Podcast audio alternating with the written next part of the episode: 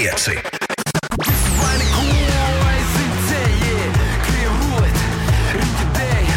Radio, kas klausās.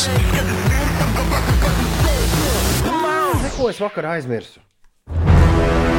Es aizmirsu, ka šī tāds te iezvana rīta sākuma. Tad var teikt, ho, ho, ho, ho, ho, ho, ho. Nu, kamēr šis skan. Mm -hmm. ho, ho, ho, ho, ho, ho, ho, ho. Labrīt! Esiet sveicināti, draugi, otrdienā! Turan, Kad, turan, cik tad vēl ir palicis? Ines, tūlīt būs trešdiena, tad ceturtdiena un tāda piekdiena! Tad jau tā nedēļa paskries, jā.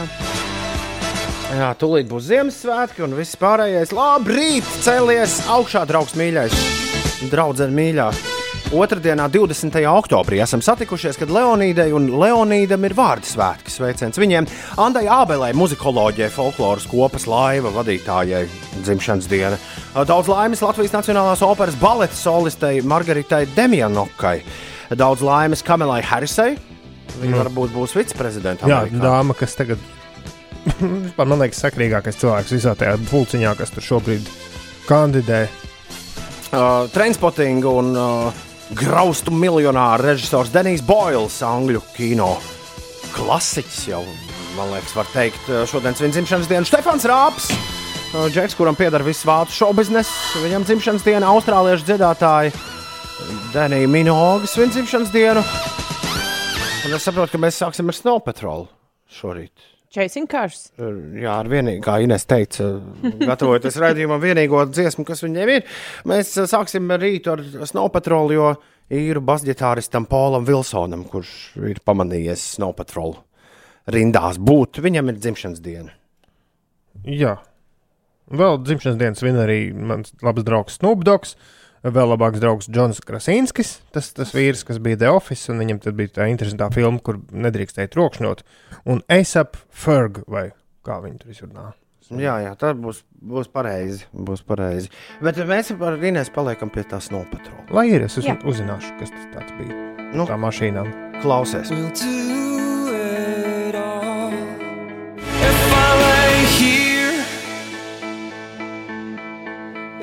just lay here, would you lie with me and just forget the words? Septiņas pār sešiem tie ir Snow Patrol chasing cars. Un, ja tā pīcis krāsnes ir uzsildīta, tad aiziet, lai arī mūsu chasing cars uzreiz, uzreiz uh, labi apbrūninās šajā rītā. Septiņas, septiņas minūtes pār pulksten sešiem. Jā, sound poets, rekurs Ko tu neteiksi? Ar kalniem pāri. Otradienas rītā cēlies augšā. Labrīt! Rā, rā, rā, rā. Pārlādētā seksmašīna pie mikrofona. Nu, viņš to atstāja dziedāja. Fredijs Merkurijs, Don't Stop Me Now. Viņš saka, ka ir seksmašīna, redī, tur ir lauda. Viņš ir gatavs pārlādēt. Nu, vai tu ne? Nu, labi. Mēs taču nezinām. Sī, sīkumos, zinu, te arī otrdienas rītā dziļināsies iekšā. Nu, 14 pār 6 ir pareizais laiks. Ines, kas notiek? Šajā rītā Latvijā ir maz mākoņi no jūras nākoša nokrišņu. Atļauj taču pabeigt līdz galam no jūras nākoša nokrišņu joslas stiepjas pār Rīgas līča piekrasti, kurzemē un arī pār vidzemes dienvidiem un tā skaitā Rīgu. Tā liecina meteoroloģiskā informācija galvenokārt īslaicīgi līst. Tas īslaicīgi nozīmē, ka ik pa laikam var līt tā pa dažām pilītēm, ik pa laikam var līt nu, tā kārtīgi. Bet uh, dienas laikā mākoņa daļai klās debesis, spīdēs saule un vietām īslaicīgi arī uzlīs. Eh, Pūtīs lēns līdz mērens rietumu puses eh, vējš, vakarā dienvidu vējš un maksimālā gaisa temperatūra plus 5, plus 6 grādi valsts ziemeļaustrumu daļā plus 7, plus eh, 11. Eh, Rīgā iespējams īslaicīgs lietus, bet tik pa laikam arī šeit uzspīdēs saule un gaiss iesils līdz plus 9 grādiem. Mazliet par sportu. eh, KHL vienība Rīgas Dienāmo pēc Covid-19 pārslimošanas nākamās līgas spēles varēs aizvadīt sākot ar 25. un 26. oktobri. Tā pastāstīja kluba padomas priekšsēdētājs Juris Savickis. Jau ziņots, ka saslimšana ar Covid-19 pēc atgriešanās no Baltkrievijas ir apstiprināta 13 ar Rīgas Dienāmo saistītiem cilvēkiem. Ai, ai, ai, ai, ai, ai, ai. Ir uh, 6,15. Labrīt! Celies augšā. Labrīt, labrīt, mīļie piecīsi, ok, braucu uz darbinu komats, esmu jau ar jums no 5.15 jūtos mošs, un izgulējies maizītes apedu, un svaigu sulu izdzeru, un braucu uz savu darbinu, EASī beng beng to mēs trešdien skatīsos futbolu, būs interesantas spēles, kuras nevēlos palaist garam baudisu, un jutisu līdzi no visas sirds, un arī rīta dzinglu no spēlēt udī birī lakī beng to. Mēs vēl pat vēl pusē nesam. Visā, ko Alfrēds ir sarakstījis šorīt. Nu, tur vēl kaut kas Paldies bija par centību. Paldies par centību, Alfrēd. Inesīt, lai tev vitamīnu nepietrūkst. Ļoti labi, šorīt tieši iedzēru vitamīnus. Ai, Es aizmirsu. Es visu laiku domāju, ko es aizmirsu. Aizmirsu vitamīnu iedzert. Bet nākamā Oh. ziņa gan ir mulsinoša. Lai man teicienu pasaka, tu biji arī Latvija, to mēs zinām. Kongresi tam. uh, Kongresi tam. Par ASV kongresu kaut ko. Kongresi tam maija. Nē, tur vajag robotu, lai lasa šo nevar pats. Kongresi tam maija. Va- Līvs pamodies, nu pat viņam te dziesmas, kur, pie kurām esot jāaizmieg, vien mēs spēlējot. Nu, padomā, padomā, kāda mēs esam cūkmitis šajā rītā. Tā viņš arī ir uzrakstījis. Nu, tā viņš nav uzrakstījis, bet tas ir tas, kā es to interpretēju. Un Jānis Jānis vēl arī ir pamodies. Un, ja vēl kāds ir augšā, tad padodiet ziņu 293, 202, 293, 202. Nevēlos palaist garam baudisu, un jutisu līdzi no visas sirds, un arī rīta dzinglu nospēlēt udī birī lakī bengtom palūdz lūdzu, lai inesite burviga un silta un garsiga otra diena, lai vīnai vitamini nepietrūkst, un lai manu teicienu pasaka udī birī lakī kongresi tamā jēja tomino ok jaukais tom lūdzu lūdzu nolasis ir rīta izinas, bet to vienu varētu mīlijai dot inesitei nolasit dot iespēju ok. Ok. Okay. Skatoties uz Ineses jaciņu, šorīt gribas teikt, nevis teikt, bet gribas dziedāt kā Edgars Zvejam šo dziesmu. Atkal līs, rudenīgs lietus, jo, jo Jā. autobus un balta šalti šķīst. Šaltis, laikam. Tas sabojāja nešķīst. mazliet manu rītu, jo es aizmirsu paskatīties ārā pa logu šorīt. Nu, es ai- aizmirsu iziet uz balkonu būtībā šorīt. Un tad, kad es sapratu, kā ārā līs, tad jau bija par vēlu nest riteni atpakaļ pagrabā, atkal slēgt milzu pagraba durvis vaļā un ciet, un uh, iet augšā, piemēram, pēc lietus sargu un saukt taksi un gaidīt vēl desmit minūtes visticamāk. Tad, kad tā milzīgā šalts uz mana taksometra trāpīja virsū, nu tāds rīktīgs. Es iedomājos, nezinu, es braucu šorīt ar velosipēdu uz darbu. Diemžēl, jā, Mm -hmm. vairs jau nebija variantu. Rudenīgs, rudenīgs šalts. Mēs par, mēs par maz skatāmies laika prognozi iepriekšējā dienā. Jā. Uz nākamo dienu. Es ar tādu naivu cerību modos, ka laiks būs tāds pats kā vakar. Bet tad vēl bija pretvējš, un, nu, jā, teikšu godīgi, diezgan lādēdamās es braucu uz darbu šorīt. Rādās, ka visu šo nedēļu līs diezgan konkrēti no rītiem. Parāda, Lielisks. kā tas ir lādēties. Nevar teikt, ēterā. Sasperjots.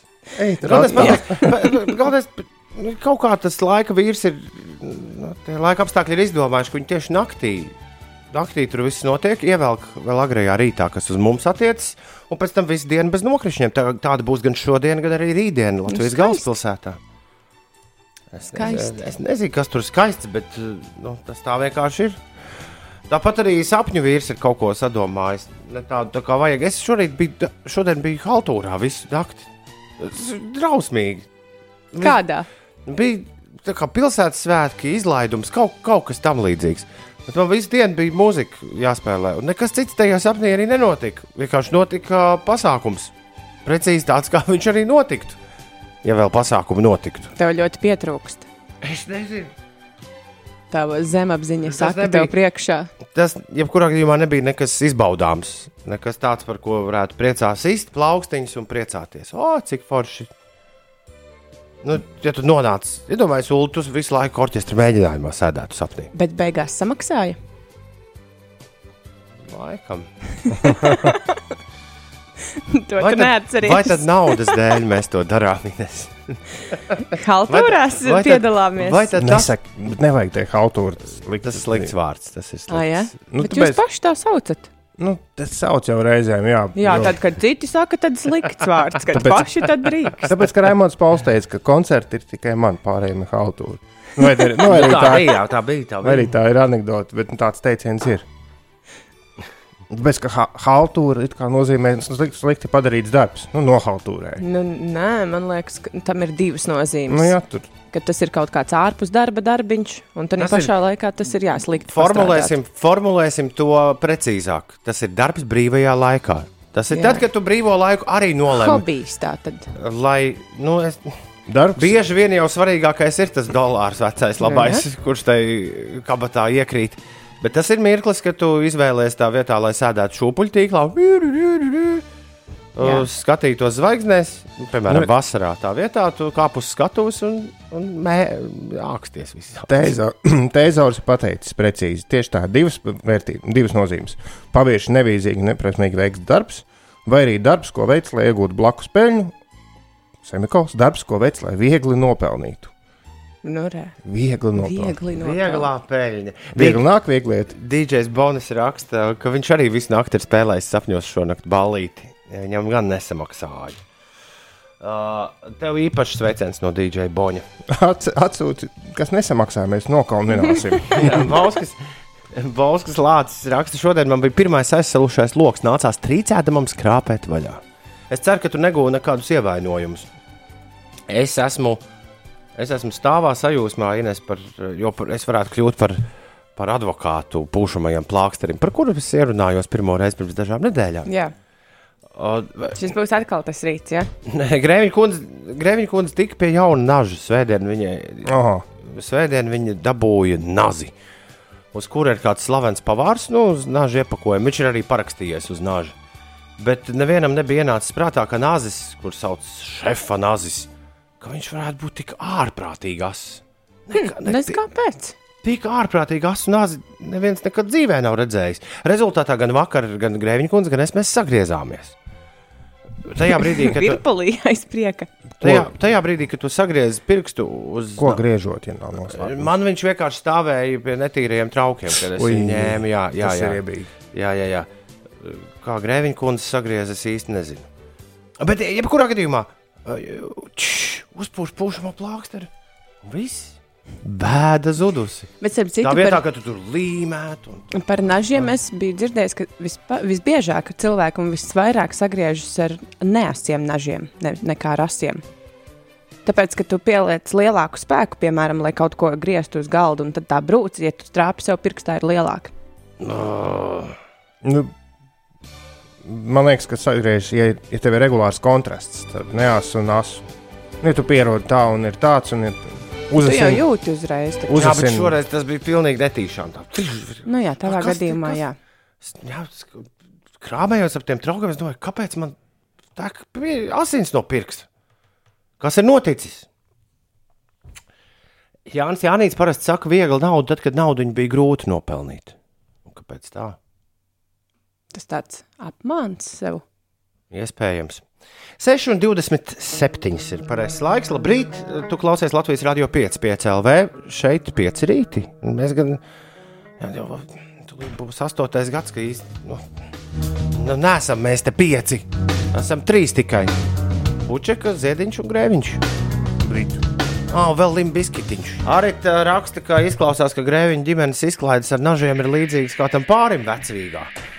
Tur kāds gadījums bija vasarā. Nu, laikā. nē, tas nav līdzīgi. Tas jau traki. pilnīgi domāju, ka mēs šo nelasīsim. Tur bija dūlas lietas, tur bija kaut kādas.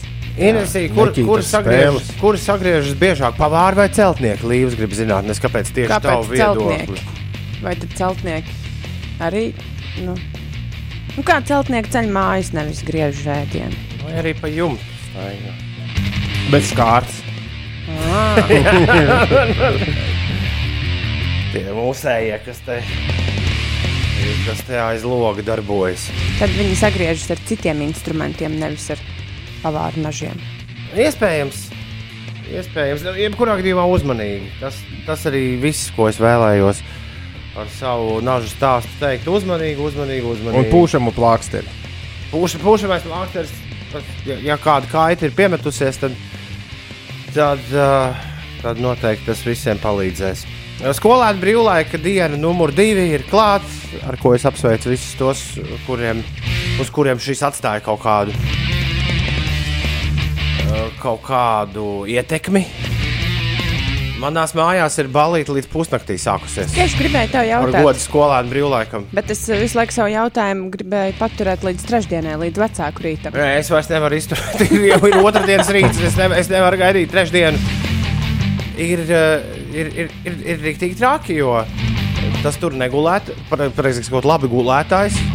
Tam nenāk miegs četrgadniekam. Es par to esmu vairāk kārtas sūdzējies jauno vecāku laikā. Un ne tikai jauno vecāku laikā. Nu, proti, dārziņā tik labi izguļas, ka pēc tam neiet līdz vēlai naktī gulēt.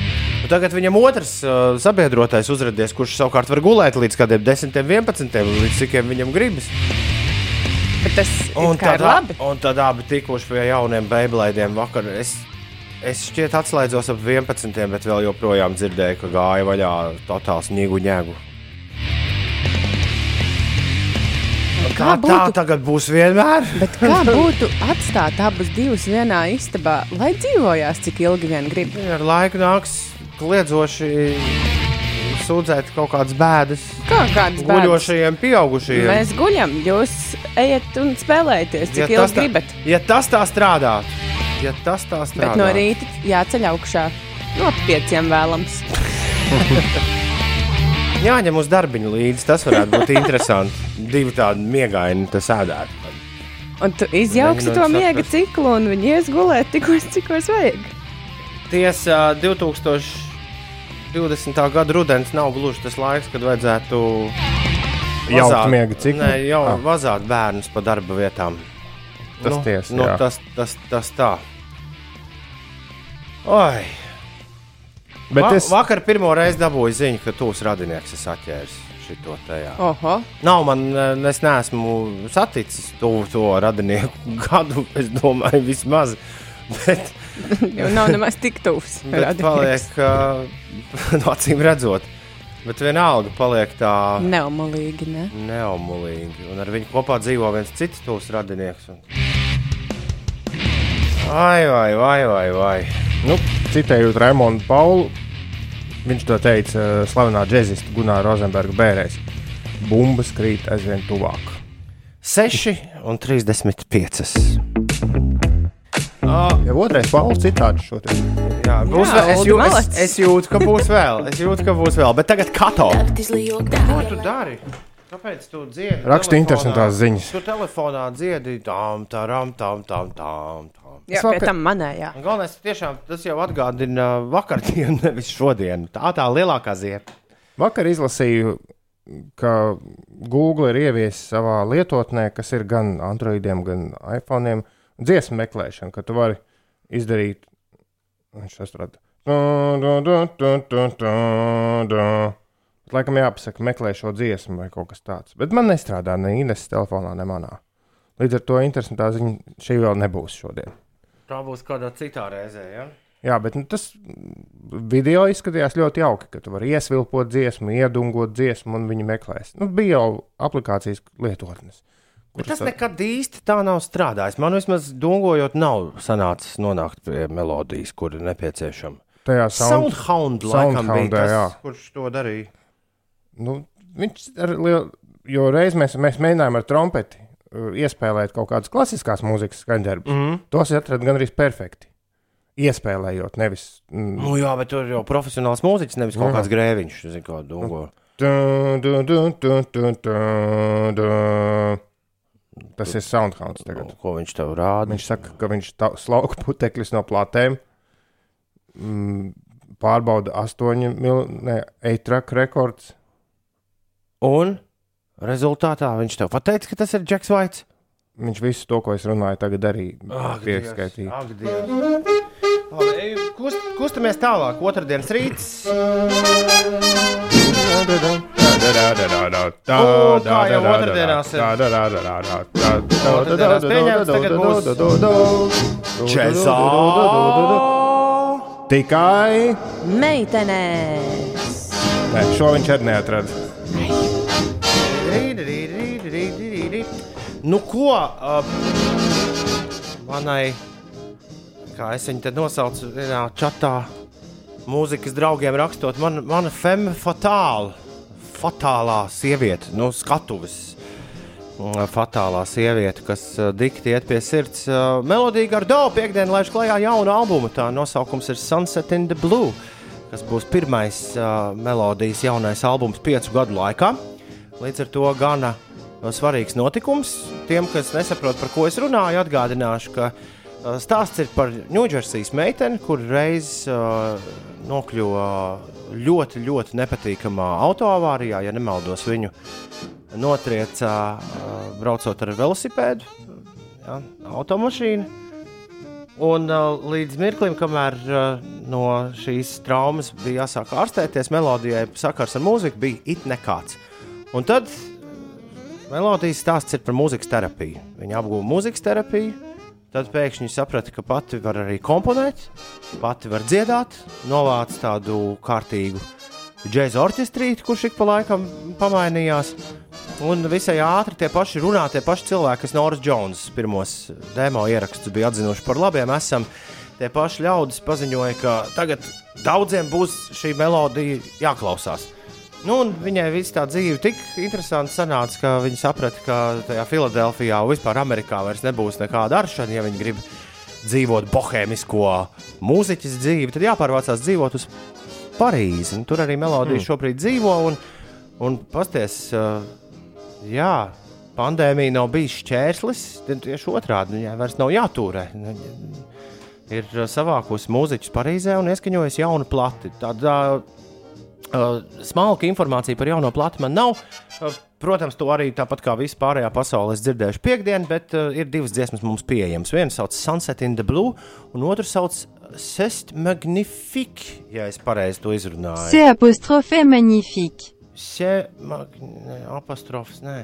Un to es no, sanāk, se, se, man liekas, vienkārši. Se magnifique. C'est magnifique. Se Magnifique. Tas ir brīnišķīgi. Es domāju, ka mm, tas ir brīnišķīgi no rīta derēs labāk nekā skumjais saulrietis. Vai ne? Vai ne? Uh, Melodija Gardo, dāmas un kungi, džeksa tikai meitenes. Uh, šeit pieci rīti. Varbūt sāks skanēt. Varbūt nē. Bija piemirsis, ka tā arī mēdz gadīties. Tad, kad nospiež plēku podziņu, džeksa tikai meitenes. Ko tu gribēji piebilst? Es, es skatos, ka tādu dziesmu dzied arī Ella Fitzgeralda. Varbūt tā ir tā pati. Un es lasīju par to viņas negadījumu, un viņai bija ļoti interes, nu, interesanti skumība, bet tajā pašā laikā tas noteikti ir ietekmējis viņas mākslu. Viņa kādu gadu bija ļoti pārā, pārjūtīga pret gaismu un skaņu. Un Viņi joprojām, starp citu, tāpēc uzstājas saules brīvēs. Jā, un tāpēc viņa arī sākumā, kad viņa sapratusi, ka mūzika viņas smadzenēm palīdz, viņa sākus ar ļoti, ļoti klusu mūziku. Un, un arī droši vien, ka tas ir dzirdams viņas daļradē. Ok, jauna mūzika no Melodija Gardo šorīt. Džeksa tikai meitenes, Semagnifique. Skaņdarbs, kurš būs atrodams piekdienā, klajā nākošajā Melodija Gardo piektajā studijas albumā Sunset in the Blue. Semagnifique. Jeb kā viņa dzied, magnifika. Magnifique. Melodija Gardo šoreiz kopā ar šajā skaņdarbā kopā ar Antonio Zambuho. Un es devos izpētīt, kas šis Zambuho kungs ir. Izrādās, eh, mūsdienās eh, Portugālē novērtēts kā labākais vīriešu fado dziedātājs. Fado dziedātājs un fado ģitārists. Ar eh, melodiju sadziedājušies abi divi šajā brīnišķīgajā skaņdarbā.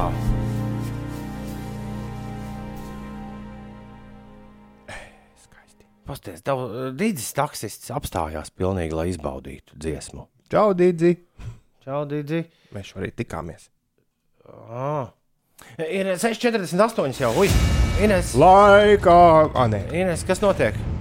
Šveices amatpersonu vizītes laikā Latvijā vairākās vietās Rīgā būs ierobežota satiksme. Šodien aizliegts uh, transporta līdzekļu apstāšanos un stāvēšanu no 7 rītā līdz 2 pēcpusdienā Aspazijas bulvāra kreisajā pusē posmā no Kaļķu ielas virzienā uz Teātri ielu un arī Zigfrīda Annas Meirovica bulvāra labajā pusē posmā no Kaļķu ielas virzienā uz Smilšu ielu. Tāpat uh, liekas apstāties un stāvēt veselu diennakti vienā posmā Raiņa bulvārī. Uh, ārzemēs Atlantijas okeāna centrālajā daļā pastiprinājās tropiskā vētra Epsilon, kas ir kārtējā vētra šī gada ļoti aktīvajā viesuļvētru sezonā. Šī gada neparasti aktīvajā Atlantijas viesuļvētru sezonā ir bijis tik daudz vētru, ka ASV Nacionālais viesuļvētru centrs eh, septembrī bija spiests ķerties pie grieķu alfabēta, lai dotu nosaukumu pēdējām šīs sezonas viesuļvētrām. Tā kā traki tur iet, bet par Pagad, Amerikā viņi sākuši jau no jauna skaitīt tos nu, vārdus, vai ne? šobrīd, Nu, tā liekas.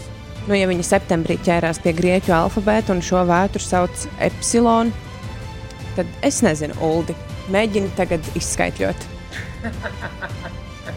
Būs tev darbiņš turpmākajām, cerams, ka nevisam raidījumam. Man bija vienkārši kaut kur pierakstīts, ka, ka drīzumā būs, ah, jā, tagad ir epsilon, tad būs zeta, eta un teta, un tad būs viss cauri. Man vienkārši bija pierakstīts, ka tajā jaunajā vētru vārdā, jo, jo tas vārdus saliek jau iepriekš, Mm -hmm. visu alfabētu, un jaunajā tajā secībā uz e-burta bija everts. Man tas bija kaut kur Oh. piefiksēts, vai, Oh. bet vai es esmu kaut ko sajaucis, vai arī tas būs tikai nākamgad, nezinu. Jā, Jo tas vēl nav klāts. Kādreiz ir, man likās, ka vētrām dod tikai sieviešu nosaukums, bet redz, ka nē. Nē, viņi vienkārši paņem visus vārdus kastītē sakratu. Un... ak, tas fitā. Un, bet, bet kā var būt, ka ir beidzies? Tas šķiet neticami. Nu, re, kur ir Hurricane Names, Fermera almanahs. Saka, Arthurs, Berta, Kristabals, Dolija, Edvards, Feja, Gonzalo, Hanna, Isai, Josefīna, Kails, Laura, Marko, Nana. Tie visi ir bijuši. Un tiek līdz Vilfrēdam, un tad laikam tur uz, paga uz Z, kāpēc nav? Ir, Alfa, beta, gamma, delta, epsilon. ir bez deviņām minūtēm, septiņi no rīta jau. Uzdziedi! Laika mašīnā.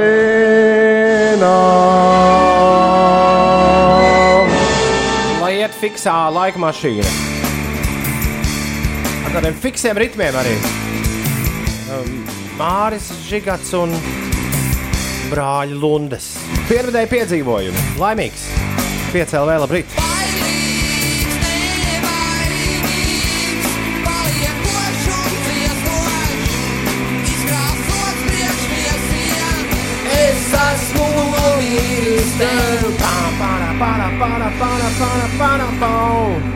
Piervedēji piedzīvojumi. Aiziet vēl viens! Laimīgs! Laimīgs! Es esmu! Tiešām raidījis laimīgs, nelaimīgs. Šeit laika mašīna, dziesma numur divi.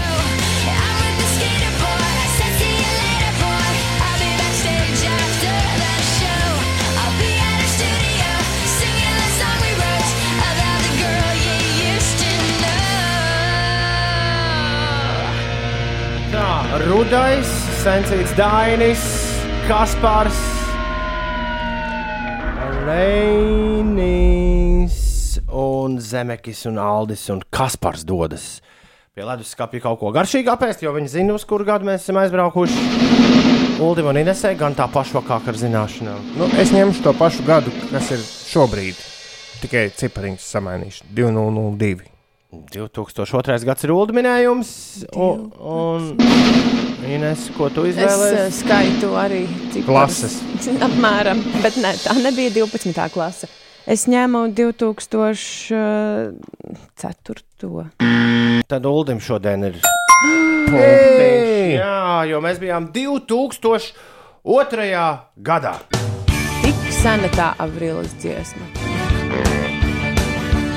Tā sāk palikt n- Neumulīgi. Neumulīgi, vai ne? Drīz būs 20 gadi, jā. Lārsonga to drīz svinēs 25.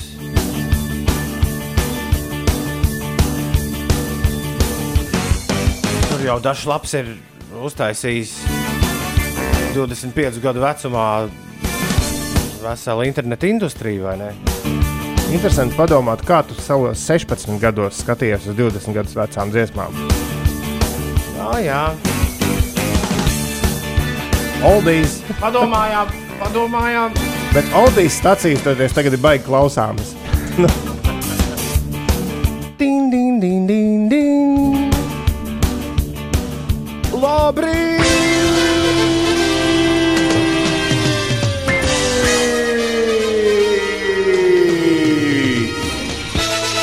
Kas mums te ir otrdiena? Jā, Kā man patīk otrdienas. Ei! Amilau! Dun, dun, dun, dun! Vislabākās dienas pasaulē. Leonīdai un Leonīdam šodien vārdu svētki sveiciens. Viņiem muzikoloģijai un folkloras kopas laiva vadītājai Andai Ābelē vēlam daudz laimes dzimšanas dienā. Latvijas Nacionālās operas baleta soliste Margarita Demjanoka, viņai dzimšanas diena, Kamelai Harisai, Kamelai, Kamalai Harisai, uh, nevis Kelvinam. Kelvinai. Ka Kamelai Harisai, Amerikas viceprezidentes kandidātei. Šodien dzimšanas diena angļu kino režisors Denijs Boils, vācu komiķis Stefans Rāps, austrāliešu dziedātāja Danija Minoga, Snoopdogs, Džons Krasinskis un Asap Fergu un, un no Snow Patrol Pols Vilsons. Visiem viņiem dzimšanas dienas arī. Jā, un, protams, krapas reinim. Kraps Rēnim ir dzimšanas diena! Loģi. Wow! Kraps Rēnim! Laiks uzspēlēt vienu no tavām mīļākajām dziesmām. Ceturtdien mums būs jauns gabals no olām kopā ar uh, veco labo Renāru Zeltiņu. Viņi ir uztaisījuši atkal jaunus figūrus arī 2020. gadā. Un mēs šo dziesmu spēlēsim pirms to izdarīs pārējie. Tā kā ceturtdien no rīta visiem olu faniem ir, ir jābūt. Ir jābūt uz vietas. Es apmuļsu no tā, ko Guntis raksta. Viņš prasa, kas daudz ik pa laikam krūzīt vai tam līdzīgi. Toms gan jau. Tas esmu es. Tā ir mana krūzīte. Jā. Nē, es tikko pielēju. Man ir kausiņš, nevis krūzīte. Uldim, Uldim Kas- tāds pamatīgs kausiņš. Tas izskatās dīvaini mūsu video. Jo izskatās, ka es. Miest, pie, kad tu Nu, pie miestiņas kādas- ķēries. Īpašas vietas kausiņš, kur Klausies pieci LV. To vienreiz atsūtīja. Labi, labi. Tā, mums būs uh, fušē, TikTok meitene. Tā playlistē ir mūsu meitenes.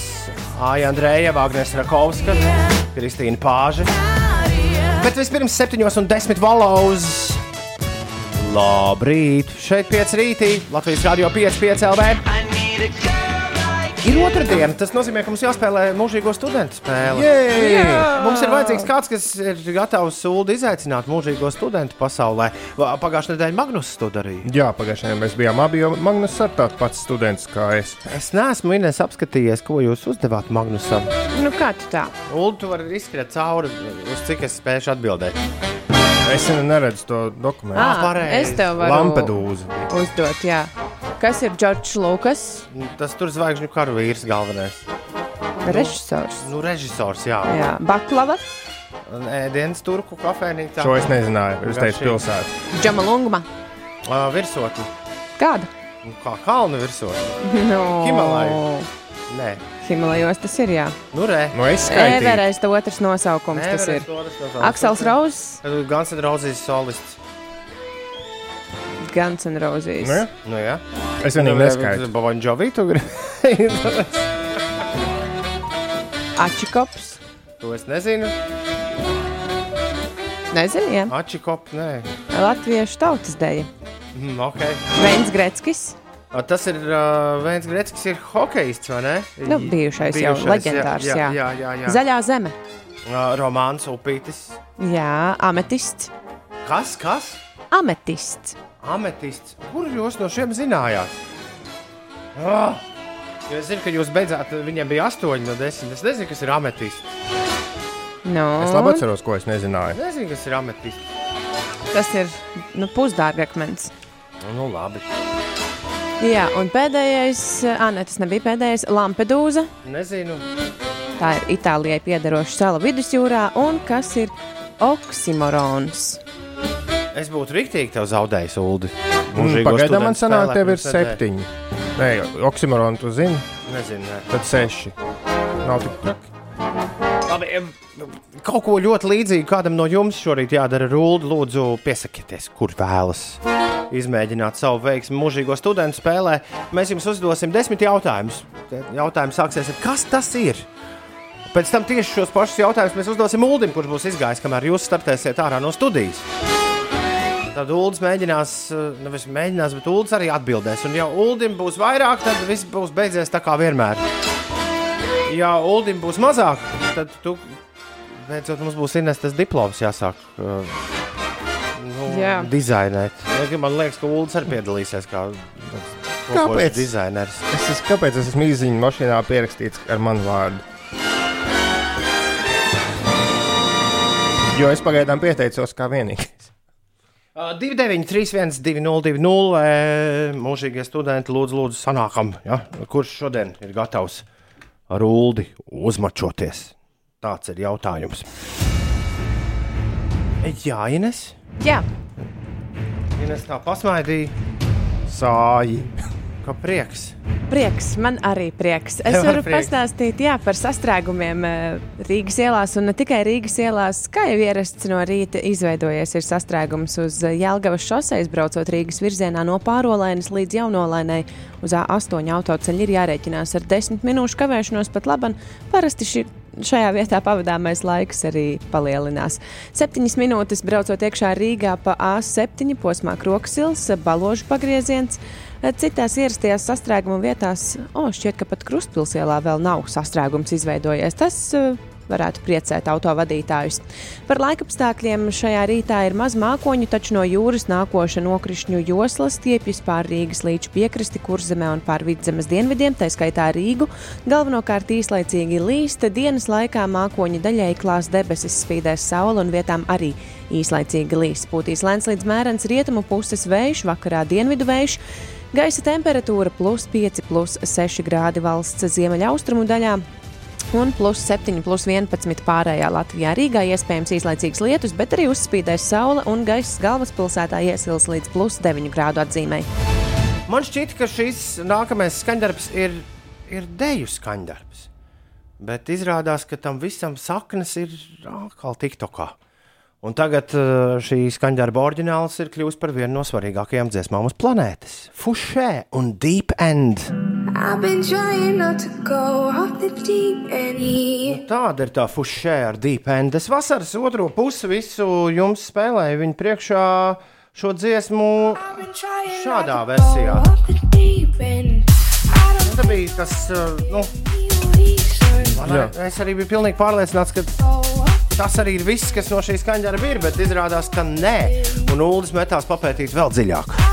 Jā, tur gan šī versija netiek pieminēta, bet TikTokā kaut kāds reperis Sleepy Hello esot tu ielicis samplā šo te to. Un mēnešiem ilgi tā dziesma bijusi populāra. TikTokā nezinu, nepieminot vispār viņu kā dziedātāju šo te fušē. Un viņi pat savā TikTok kontā stāstījusi, ka tā ir viņa un īsti tur neviens nav ticējis. Un tur miljoniem skatījumu tam dažādām, nu, kas tur kustības vai ko, ko nu tur darījuši. Un beig, beigās viņi izcīnījusi, ka, nu, ka tā ir viņa un visa pasaule atzinusi. Forši. Garš raksts, jā, Rals, bet ļoti interesanti. Forši, forši. Kārtējā jaunā TikTok zvaigzne ir dzimusi. 7,24 mums jāpaskatās arī, kas notiek pie mums pašmāju sētā. Kas jādzird Latvijas mūzikā? 5 LV iesaka Tramplīns. Nu, šonadēļ kaut kas varani interesants mums ir tramplīnā. Meitene, kur ir uh, gan mūzikas skolā mācījusies, gan knīpās un knauķos dziedājusi. Taču 2019. No, 19. gada nogalē oficiāli uzsākusi solo karjeru. Pirmkārt, viņa ir uztetovējusi sev uz īkšķa Davida Bovija vārdu. Ar to jāsāk loģiski. Un otrkārt, izveidojusi alter ego Anija Pastare. Tagad ir pazīstama kā Annie Lepesteur. 2020. gada pavasarī klajā nāca viņas pirmie trīs singli. Un uh, septembrī ir iznācis viņas pirmais EP, tātad mazais albums, Extended Play, Screams of the Soul. Nu, lūk, esam uh, nonākuši līdz brīdim, kad Anija skan mūsu eterā daudz un dikti šonadēļ. Annie Lepesteur. Dzirdi, kā atspēras Latvijas jaunā mūzika - Tramplīns. Visas šīs nedēļas garumā Latvijas Rādio 5,5 LV ēterā Annie Lepesteur un Profesija. Šonadēļ tramplīnā.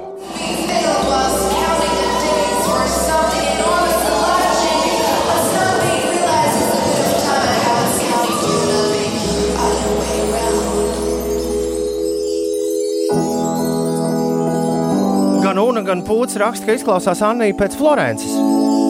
Anija Lepesteur, profesija šonadēļ tramplīnā. Man izklausās pēc Florences, kura bijusi tajā klubā, kur, aiz, kur ieradās policija naktī. Jā, un profesija ir nevis pro, nu, par amats, nu, profesija, bet uh, profesija. Nu, tā kā pareģojums. Un, tās, un tie zvaniņi tur aizmugurē tiešām ļoti tā mistiski. Nē, nē, ļoti skaisti noskaņa. Varbūt negluži septiņi no rīta un jāskrien uz darbu noskaņa. Bet, ja, ja padomā par nosaukumu profesiju, nevis angliski, bet latviešu, tad arī tas der. Man vienīgajam skan, ka tā it kā viņi dziedātu vannas istabā, prasa lielais guņš, bet tas tagad ir. Tā Bet tagad notiek. istabā tos zvaniņus dabūsi? Tagad tā notiek. Tagad mūzika top guļamistabās. Palās par Biliju Ailišu kaut ko. 7,29 ir pareizais laiks. Labi, tagad būs beidzot Bēdīgi, ah, nē. mūžīgo studentu spēle. Aldis šodien būs mūsu mūžīgais students, kurš mēģinās Uldi iznīcināt šajā spēlē. Aldi, labrīt! Labrīt! Ko tu dari, Aldi? Brauc uz darbu! Uh -oh. Uh -oh. Es ceru, ka ir ieslēgta brīvroka sistēma, vai vismaz tu esi apstājies ceļmalā šobrīd. Nu, tagad ir apstājies malā. Pareizi, pareizi. Vai tur ir nepārtrauktā? Trūkstoši triecam, triecam Uldi ārā no studijas. Aldi, mēs tev uzdosim desmit jautājumus. Ja tev izdosies Uldi, Uldi ap- apsteigt, vismaz viens diploms tev savā dzīvē būs no mums. Ā, Klausies, ā, jā, kā tev ir ar to studēšanu? Kā tev gājas, ir Aldi? Nu, ir, ir mācījies, tad ir pārtraukts, tad atkal mācījies. un Tā, nu, tā, kā, tā kā ir mūžīgais students. Nu, Nu. mūži, mūži dzīvo, mūži mācās. Nu, skaidrs. Labi, ā, visi jautājumi ir vienkārši. Kas tas ir? Kas ir Metju Deivids McConaughey's? Aktieris, man liekas, bija. Bingo! Kas ir ierīce autom? Nu, to. Es sajūtu, sajūtu. Kas ir odometrs? Rodometrs bija kaut kāda ierīce, bet kāda es nu īsti neatceros tagad. Kas ir ak aksolotls? Aksolotls. Nezināšu. Džurtuleku šimleuluja. Kas ir džurtuleku šimleuluja? Kaut kāds kalnu virsot noteikti. Kas ir apūlija? Vai Šodien Dzirdēt, daudz, baigi, šodien daudz geogrāfijas. Daudz geogrāfijas. Japānija bija kaut kāda arī mm, labi nebūs. Kas ir Džakarta? Džakarta ir uh, galvaspilsēta. Kur? Uf, uf, uf. Uf, uf. Um, jā, jā, jā, jā, kur bija austrumos, bija, tas tā bija. Ai, ot, mēls galā ir, nevar pateikt tagad. Kas ir etna? U vulkāns uh, Itālijā. Kas ir kalāči? Kalāči. Jā, kas ir kalāči? Vat nezināšu, gan. Kas ir lekāls? Mēra instruments. Leņķis, ar ko mēra. Un noslēdzošais jautājums. Kas ir Johannes Pēteris Lecmanis? Mūziķis. Ļoti labs minējums. Lielas paldies. Alde, esam tevi uzklausījuši. Tagad Ulu saucam apakaļ studijā. Paliec pie klausulas, paklausīsimies, kā Uldimies. Šodien kaut kā mēs esam pārspējuši paši sevi. Aldi, tikmēr Uldi! Atpakaļ! apdomāties, kas tā par galvaspilsētu bija. Tev nav tāds sajūta, ka mēs esam par sevi paši pārspējuši. Nu, es domāju, spēlē. tu esi pārspējis mūs, jo es jau neliku tos dīvainos vārdus, kurus tu Logu atgādināšu, ka šo spēli veidoju es ar Tomu kopā. Ak, tā tā. Vai logu atvērt šeit gaisa nav? Uldi, kas ir Metju Davids McConaughey's? Aktieris. Kas ir odometrs? Odometrs ir uh, nu, tas kilometru mērītājs, nobraukt, nobraukto kilometru mērītājs mašīnā. Kas ir aksolotls? Kāds, kurš to ielikt, neprot to nolasīt. Aksolotls. Es to Aksolotls? neliku. Nu, labi. Aksolotls. Es ieliku. Pagaidām, Tad nebūs, ja? Pagaidā, pagaidā. Nu, paga, nu, kad, nu, vai Tas nu nav zin- tas studenta kungs, vai nu zini? Labi, nu es rakstu, saku, ka tas ir dzīvnieciņš. Kas ir džurtuleku šimleuluja? Nav nejausmas. Kas ir apūlija? Apulija ir.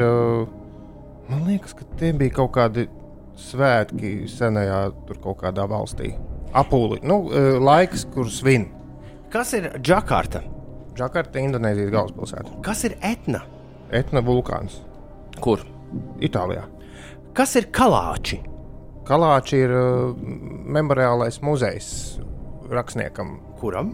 Latviešu. Jā, vīrietim? Veidam, pieņemsim, ka veidam baumam. Kas ir lekāls? Lekāls, uh, zinu, zinu, zinu. Ah, nu, tāds nu, trauks. Ah, vai arī, vai arī lekāls, lekāls, lekāls. Vai nu tas bija tas lekāls? olekta vai trauks? Ai, es ņemu tra- trauku. Un kas ir Johannes Pēters Lecmanis? Nē, negribu zināt. Tev būtu, te- tev būtu tīri labi paticis uzzināt, kas ir Jo- Johannes Pēters Lecmanis. Ir uh. Cēsīs dzimis Igaunijas austriešu meteorologs, virpuļu, virpuļu viesuļu pētniecības pionieris. Vai tu rekā? Hmm. Jā. Tā kas mums vēl ir? Lekāls nav trauks, tas ir lineāls vai šablons Tad otrs, līniju jā, tad otrs bija pareizais variants. Uh, Kalāčs tiešām ir Veidenbauma muzejs. Jā, tev paveicās, wow. Ka uzminēji. Džakarta, jā, Aldi ir Indonēzijas galvaspilsēta, un Akselotls ir dzīvnieks, abinieks Meksikas salamandra. Tas ir to jocīgo Ar- salamandriskais. Jā, Jē! jā, kas un... dzīvo it kā ūdenī, bet viņš var izkāpt arī ārā un pārveidoties, lai dzīvotu sauszemē. Džurtu leku, Brālim tāds bija. džurtu leku Šimleu Luja ir apdzīvota vieta Rumānijā, Transilvānijā, Kāpēc tā Seležas jāzina? apriņķī. Pagaidi, nu, Nē, nu, stu, nē, nu tu vari tu var, nevari likt random pilsētas. Nu, ja tur kaut tai pilsētai ir kaut ko jābūt slavenai. Laiks rezultātiem. E, Aldi, nē, es- Aldi mieru, tikai mieru, tie bija nevis grūti jautājumi, bet tur, jā. Es, es tomēr. ā, Es tomēr ieskaitīšu Aldim to galvaspilsētu. Nu, viņš labi. ļoti centās. Viņš teica, ka mēlis galā ir, bet un uz to pusi jau vilka. Jā, kāds mums ir rezultāts? Tātad Aldim ir 4 punkti un Uldim 6. Wow! Vai, ko tad es nepateicu? Es nepateicu to Rumāņu pilsētu. Aldi, paldies tev par spēli! Paldies, paldies! Uldis, Uldis kārtējo reizi ir palicis nepārspēts. Lai tev jauka diena, Aldi, paldies, ka uzspēlēji. Čau! Uldis Jā, labi, čau! Čau! Džurte leku šim leulam apuliju. Apu, Un kas bija apūlis? Reģions Itālijas dienvidu austrumos. Ah, nu, labi. eh, Johannesu Pēteri Lecmani nezinu kādēļ, tu nezināji. Virpuļu viesuļu pētniecības Un pionieri. arī lekālu. Tu Jā. teici, ka tas ir trauks. Jā, par lekālu man ir vienīgā bēda, jo es zināju, ka tas ir nu, tas tur olekta veidīgais Tas dīvains lineāls Nu, ar tāds. izliekumiem. Bet es sajaucu ar kaut ko. Nu, tam ir. Tas var būt tāds šablons arī. Jā. E, Bet es pierakstu dienas protokolā, ka Grēviņ- Mūžīgo, mūžīgo studentu spēli. Speciāli izgāž studentus. Tu nevari ņemt kaut kādu random rumāņu pilsētu, kur nav ne ar ko slavena. Bet es to neņēmu. Ah, Nē, nē, vienkārši bija bet me-. Meksikas, šādu kvizē, Meksikas, Mek... kvizā nomētātu ar uh, sapulšām Meksikas dzīvnieku, kuru neviens nav dzirdējis, to gan var ņemt. Jā. Bet to es zināju. Jā, Absolūti. es arī to zināju. Es to esmu rokā pat turējis. Kas tas varētu būt? Hmm, nu labi, lai būtu dzīvnieciņš. Ja Tā tu zināji. tu redzēsi, kā tas izskatās, tu uzreiz sapratīsi, ka tādu aizmirst nevar. 7 un 37. Tas ko- beidz man rādīt kaut ko no Pixar multiplikācijas. 7, 37 ir pareizais laiks. Tā bija mūžīgo studentu spēle. Jā, Starp mašīnām, motoriem. Ulas joprojām pukst par šīs dienas studentu spēli. Kārlis raksta, ka tev jāiet sūdzēties dekanātā. Nē, es mēģinu atrast tajā pilsētā kaut ko. Valčuks raksta, ka tā pilsēta slavena ar savu rumāņu netipisko nosaukumu. Džurtu leku šimle uluju. Mierīgi varētu būt arī kaut kas no zvaigžņu karu vai no, no galaktikas ceļveža stopētājiem vai doktora kas pasaules. Bet ir apdzīvot vietu Rumānijā, Transilvānijā, tur, kur grāvs Drakula. Tev iet meklēt to džurtu leku šimulāju, tev pienāk klāt un Ai, dod asinis. Cik tur iedzīvotāji? To lūdzu, studenti, kungs, Jā. izpētiet līdz nākamajam eksāmenam. 7,41 ir pareizais laiks. Labrīt! Ines, kas notiek? Sastrēgumu taču nav, vai ne? Nu, skolēniem brīvlaiks gal galā. Jā, ar sastrēgumiem tiešām ir tā, ka pārsteidzoša laba, laba situācija Rīgas ielās. Vienīgi šobrīd jau Krustpils ielā ir eh, veidoj, veidojies maziņš Un kas šodien stūķītis. ir citādāk? Tur ir 9 minūtes. Kādā ziņā, ka šodien ir citādāk? Skolēniem brīvlaiks. Mēs tikko tur aprunājām. Jā. Tas eh, pašmājās, eh, bet eh, Norvēģijā ir atklāts jauns eh, koronavīrus Covid-19 paveids. Zinātnieki pieļauj iespēju, ka trūka. tas izplatās straujāk, bet nav bīstamāks par pārējiem vīrusa veidiem. Aizdomas par jaunu Covid-19 paveidu mediķiem radās pēc uh, strauja inficēšanās gadījumu skaita pieauguma eh, Trondheimas pilsētā. Vīrusu izplatīja Norvēģijas Sabiedrības veselības institūta zinātnieki un tika atklāts, ka būtiskas atšķirības, eh, tā būtiskas atšķirības genomā un jaunais koronavīrus paveids jau konstatēts 35 cilvēkiem, bet pusotram tūkstotim iedzīvotāju ir jāievēro karantīnas režīms. Un speciālisti vienlaikus norāda, ka informācija par Covid-19 mutācijām nav sensacionāls jaunums, un dažādi tā paveidi atklāti ir jau iepriekš. Tas Norvēģijā savukārt eh, īrijā Covid-19 dēļ tiks noteikts piektais trauksmes līmenis, kas nozīmē pilnīgu karantīnas režīma atjaunošanu. Tiesa, darbu varēs turpināt daļa uzņēmumu un izglītības iestādes. Ai, 7,42 ir pareizais laiks. Cerams, ka kādu dienu šis viss būs kaut kur tālu, tālu projām un, un vairs uz mums neatteiksies. Diemžēl tā diena nav ne šodien, ne arī pavisam noteikti rītdiena, ne arī diena pēc nedēļas. Tā kā dzīvojam, dzīvojam mēs tālāk, kas tam mums cits atliek? Mūsu girta lekušim levelī. Tagad būs pieci rīti, skatās TV. Ja Bulls mēģinās man un Inesai. Man un Ines pierunāt, uh, ķerties klāt uh, šmamazonam. Jā, un tā kā tuvojas Borata svētki, tad nu, kaut kā jau agri vai vēl mēs visi tur nokļūsim. Bet labā ziņa ir tā, ka Amazon Prime abonēšana, nu, fir, nu, kā to Prime video, pareizi tāds bija pareizais nosaukums. Ko es biju iepriekš abonējis caur telefonu, nu, it kā ļoti ērti. Tu vienkārši viņu savā tajā kontā, un viņš tur novelk naudu automātiski, nav nekādas kartes jāvada nekas. Mm. Mm, izrādās, ja es tagad ieeju caur televizoru vai caur datoru, es varu vēlreiz dabūt to septiņu dienu bezmaksas izmēģinājumu laiku. La, lai arī viņš man atpazīst. Es esmu iepriekš maksājis caur telefonu, tāpēc ievadot savu. Man pat nebija jāvada, jo Amazonā ir Starp mans citu, kredītkarte. Caur gadiem viņi man arī ir devuši to diezgan pat regulāri. Nu Jā, var sakot, es paņēmu septiņu dienu trial, lai noskatītos seriālu The Boys otro sezonu. Un tu to izdarīji? Es atklāju, pirmkārt, svētdienas vakarā atklāju, ka sērijas ir varan garas, stundu vai ilgāk. Līdz ar to es neesmu noskatījies visu otro sezonu. Otrkārt, es sa- sapratu, ka es neko neatceros no pirmās sezonas, tāpēc es ilgi un dikti skatījos. Viņi bija salikuši visādas trailerīšas un reklāmas, un arī diezgan neiedzīgu atskatu uz pirmo sezonu. Tāpēc es gāju YouTube un skatījos jēdzīgu atskatu, kur kaut kas nu, izstāsta visu. The Boys ir seriāls par uh, pasauli, kurā mm, valda kāda, nu, patiesībā par Ameriku, kurā varētu teikt, ka valda kāda megakorporācija, lai gan valda, nu, valda valdība, bet uh, tai megakorporācijai ir ļoti liels spēks, jo tai pieder supervaroņi. Ir uh, supervaroņu lielais septītnieks, kas ir paši, paši svarīgākie supervaroņi pasaulē. Un tad ir vesela, čupa vēl tādu topošo supervaroņu, kas visi uz to septītnieku tiecas, bet nu, arī dara kaut kādas savas supervaroņu lietas. Viņi glābi pasauli, visādā veidā viņi tur noslēdz līgumu ar armiju, diezgan nu, tādā interesantā veidā. Un uh, seriāla pašā sāk, pats sākums, pirmajā sezonā mēs uzzinām, ka tie supervaroņi nav nemaz tādi labie tēli.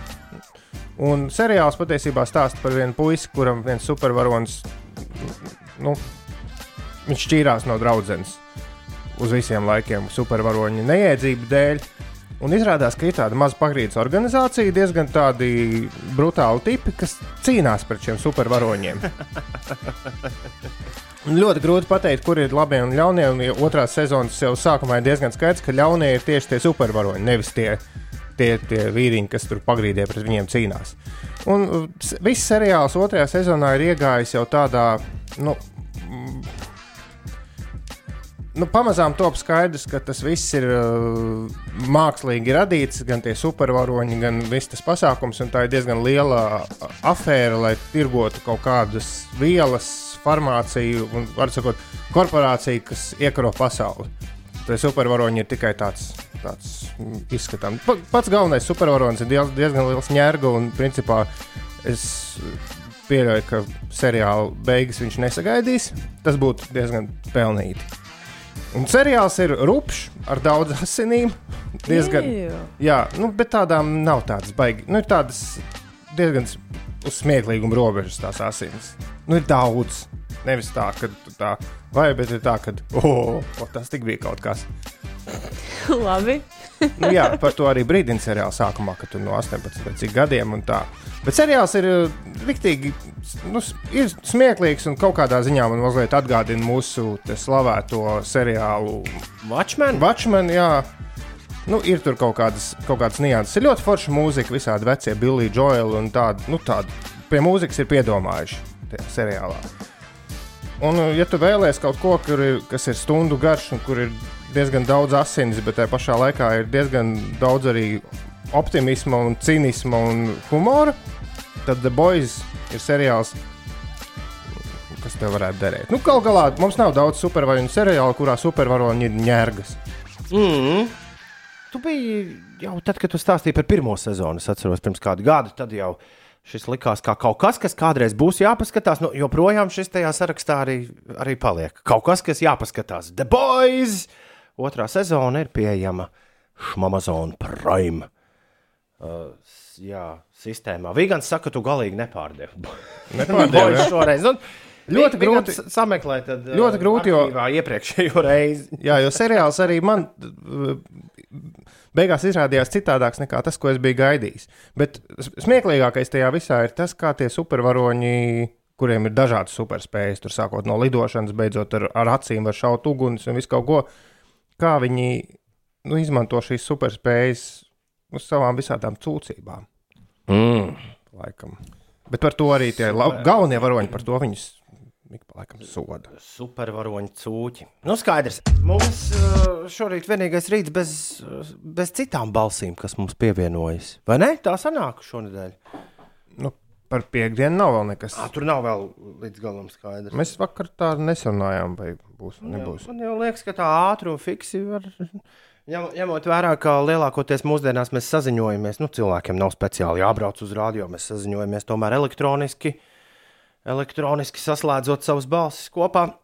Un tad jau gan jau, ka varam visu kaut ko saorganizēt. Bet par rītdienu gan ir absolūti skaidrs, ka rīt pie mums viesosies Samanta Tīna un Markus Rīvi. Iedomājieties, viņi abi divi ir uztaisījuši dziesmu kopā. Ines.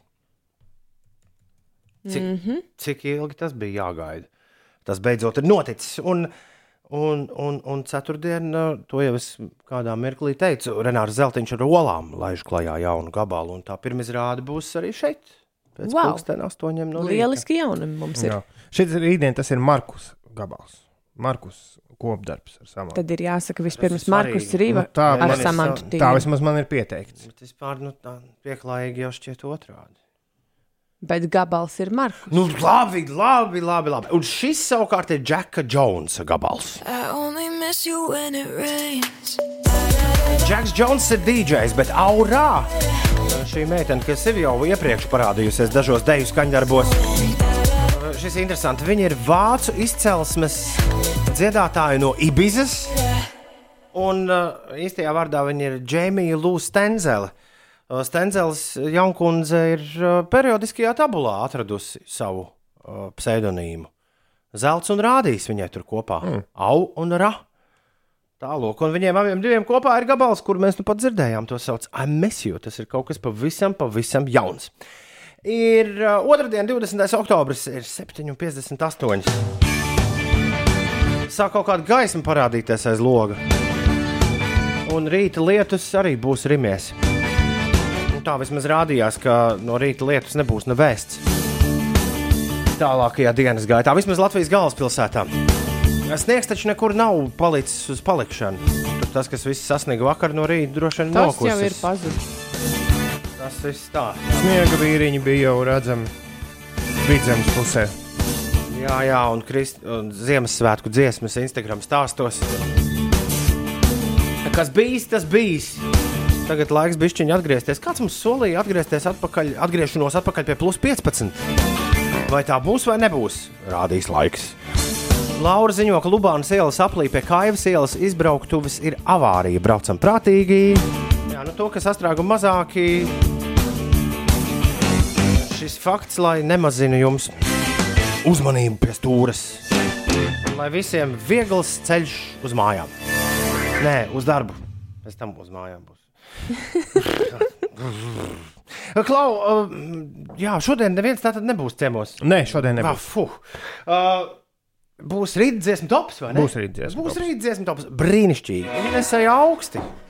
Inesēja augsti. Tu pats arī teici, ka tev ir augsts. Vispār ir, jā, bet Uldis sūdzas. Uldis tad tēkraklā sēž. Uldis sūdzas, ka nav gaisa. Nu, jā, ienāko. Jā, mums ir, mums ir diezgan liela dilemma, jo es saprotu, ka ir slikti, ka pūš uz muguras. Nav forši. Savilks krustus. Ber, ber, berciet. Un re, kur arī raksta klausītāji, ka, Taisiet logu ciet. ne, ka to man balss apsmakusi. Nu, nu, nav gan. Nu, nav, nav, bet Nav gan. Bet uh, tas vējš te iepūš. Tā, es, es vēl cīnos ar. Tas ir bai- baisi. Tu aiziet cilvēks nedēļu atvaļinājumā, un pēc tam, pēc tam tev ir atkal bišķi jāpacīnās ar agrajiem 4,30 modinātājiem. Tā it kā, tā it kā tu uz kādu mēnesi būtu bijis prom.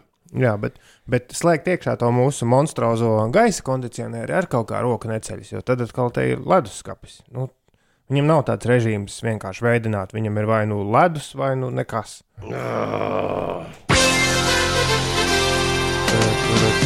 Labrīt! Celies augšā!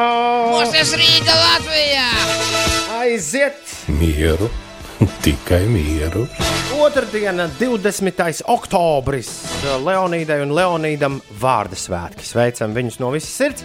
Muzikoloģijai un folkloras kopas laiva vadītājai Andai Abelei. Dzimšanas dienā sūtām sveicienu Latvijas Nacionālās operas baleta solistei Margaritai Demjanokai. Dzimšanas diena. Kamala Harris. Es pagaidām vēl neesmu ar šo dāmu iepazinies. Bet... Viņi ir Baidenam, nu tā kā tā Baidena puses viceprezidents. Ah, ja Baidens vinnēs, tad viņa Viņa būs, būs jā. viceprezidente. Skaidrs, Kamelai Harrisai šodien dzimšanas diena. Uh, Transportinga un Slumdog miljonēru un vēl visādu filmu Beach galu galā režisoram, angļu režisoram Denijam Boilam dzimšanas diena. Vācu komiķis Stefans Rāps, austrāliešu dziedātāja Danija Minoga no Snow Patrol Pols Wilsons. Uh, Snoop Dogs, Džons Krasinskis un Asap Ferg. Visi svin dzimšanas dienu. Un, protams, arī Krapes, Krapes Reinis. Nu, tad vēl viena dziesma. Jā, Krapes. Reini, tas tev! Dzimšanas dienā esam tev sarūpējuši meldiņus. Agrāk pelnīju mazu algu, stūrēdams es lafešnieks, tad man repa stonki aizgāja debesīs kā raķešnieks. Ines, kamēr Eliots deklamēja, atrada internetā masku, bērza tās sejas masku, un saka, ka tas nav labinieks. Tur ir droši vien jājautā epidemiologiem, vai šādas maskas pasargā. Es saku, akmeni arī varot izmantot kā masku. Vai kartupeli. Jā. Kartupeļu maska. Kā Čip no čipša. Nu, tā kā čip, nu, čipša izskatā. Ceļmalapa jau vispār ir ļoti vērtīgs augs. Varbūt tādas arī var. Ceļā no Cēsīm uz Valmieru vietā, kur Raunas upe šķērso šoseju pie Leokādijām, uz ceļa ir melnais ledus. Lauris ziņo, ka jāuzmanās. Sākās. Pirms gada sākot peldēt, eh, vienreiz 10. oktobrī, pirmoreiz 10. oktobrī ūdenī pavadīja 10 sekundes. Pierod pie visa, rekords tagad ir 5 un vairāk minūtes. Inese saņemies un kopā ar draugiem sāc peldēt. Zini, kā? To, man liekas, tā ir tāda rīta padarīšana. Un kur tad man pirms rīta ētera vēl kaut kur braukt, peldēt? Jā. Cikos tad man jāceļās? Uz ezeriņu. Labrīt! Uh, ko augsts šorīt cauri raganai braucot, raksta Uldis. Knaps viens grāds, bet labi, ka man riepas ar radzēm, jo kā nekā kārtējais brauciens uz Somzemi. No rītdienas katru rītu būšu ar jums. Tas tik ir jauki. Bīstami ar tāšu masku iet ielās, var dabūt pat tās. tiesa, tiesa, tiesa, tiesa. Ir 12 pār 8. 5. Žanela Monē un Prāta vētrā. Jau pavisam drīz tavā rītā radio. Tagad Blinding Lights. Dziesma, kuru Ines jau visu nedēļu gaida, kad mēs klausīsimies. Un Ulds- Katru rītu es gaidu šo Ulds- dziesmu. Un Ulds rādīs mums, kā ir jākustās. Aiziet! Vienmēr domāju, kā, kāda ir Renāra. Renāra, kāda tev ir sajūta, tad, kad tu brauc mašīnā no rīta un visu laiku spēlē? Spēlē tas dīdžers. Es ti- tiešām es dažreiz zinot, ka nu, pat dzirdētais dziedātājs mūs regulāri klausās, un dažreiz paliek nē, nu, no tā, ka mēs tik bieži prātā vētru spēlējam, bet, bet uh, kā ir tā jādzīvo? Viņš pareizi viņš guļ šonadēļ, jo ir taču skolēna brīvlaiks. Dā. 8, 19. Tad, tad viss viss- Šonedēļ viss var labi. spēlēt. Viss ir labi. Jānis Jānis ir dusmīgs, ka melno ledu sauc par melno ledu. Tas esot viņuprāt nedaudz ar rasisti, rasistisku piešprici. Melnais ledus ir parasts apledojums. Tas nav melns. Nu, lai, Nu, to neredz vienkārši uz asfalta. ja parasti apla, tas ir parasts aplidojums, vienkārši tas ir pirmā kārtiņa, kas ir izveidojusies uz asfalta, un tāpēc to Jā, bet grūti es saprotu, es saprotu Jānis Jānis aicinājumu varbūt mums kā tādai. Ai, nu, Man liekas, cilvēki šajā sakarā ir ļoti sīkumaini. Ok. Lai nu tā būtu, ir 20 minūtes pār 8. Ir otrdiena, 20. oktobris. O, 20, 20. Iet vaļā. Kaut kas, es pilnīgi jūtu. Ines, kas notiek? Labi, es nolasīšu vēlreiz to īziņu par apledojumu. Tātad ceļā no Cēsīm uz Valmieru vietā, kur Raunas upe šķērso šoseju, pie Leokādijām uz ceļa ir apledojums. Tur autovadītāji esiet uzmanīgi, un arī Latvijas valsts ceļa aicina autovadītājus mainīt tomēr tos savus braukšanas paradumus pēc vasaras uz uh, rudeni, jo uz autoceļiem var būt sakritušas lapas, kas var radīt arī slidenus momentus, varbūt arī nelieli apledojumi, un tā kā līst lietus, tad arī akvaplanēšana var sākties. Tā kā piedomājiet pie savu braukšanas ātruma. Uh, Par citām ceļu satiksmes uh, lietām šobrīd ir jārēķinās ar vismaz s- desmit minūšu kavēšanos posmā no pārolainas līdz jaunolainai. Izskatās, ka tur arī tas sastrēgums ir mazinājies līdz ar skolēnu brīvlaika iestāšanos. Braucot iekšā Rīgā pa A7, Kroksils baložu pagrieziens, tur ir jārēķinās ar aptuveni 6 minūšu kavēšanos. Jūrmālas gatavē arī 6 minūtes, Kārļa Ulmaņa gatavē 5 minūšu aizkavēšanās, un citās ierastajās sastrēguma vietās aptuveni 4 līdz 5 minūtes jāpavada. Mm, jā, Kas tā bija par skaņu? tā bija, ja nemaldos, šāda skaņa. Jā, to aizmigi. Tā.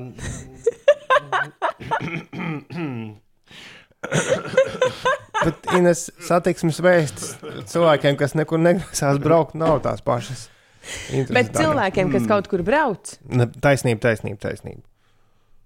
Nē, es neaizmirsu. Tas drīzāk bija tāds apātijas, apātijas moments. Tu pat labi zini, ka tāda mēdz uznākt. Kas ir? Kāpēc, kāpēc ir jāsmējas? Bija jau bišķi smieklīgi. Uz, uz mūku salas apļa pirmajā joslā divas mašīnas stāv kūciņu kurjeris ziņo. Piefiksējam!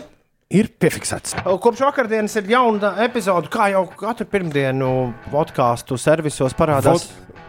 Pod, pod, pod, podkāstu servisos parādās jauna epizode podkāstam, kā ir būt, kuru vada mūsu satura redaktore Elīna Balskara. Un šoreiz, kā ir būt, saruna par siltumu. Tas, tas saulainais laiks neatbilst vienkārši tam ā, iekšējai būtībai, un tas lietas varbūt pat ā, atbilst. Tas, un tas pats, ko es tev teicu par tiem, ka divi draugi, kuriem ir slikti, ja viņi viens otram pasakā, viņiem ir slikti, viņiem kļūst labāk. Un tad, ā, ja man ir kaut kāds zemes noskaņojums ārā, ir lietas, tad es jūtos kā ar savu draugu ārā, ar laikapstākli, ar lietu. Un kļūst labāk tajā brīdī. Man patīk, ka te laika stāvokli nosauc par draugu. Jā, Elīna sarunājas jaunajā podkāstu epizodē ar uh, mākslas žurnālisti Paulu Lūsi. Viņa ikdienu ne tikai kurina krāsni, lai sasildītu māju, bet arī domā, kā sasildīt savu gara krāsniņu.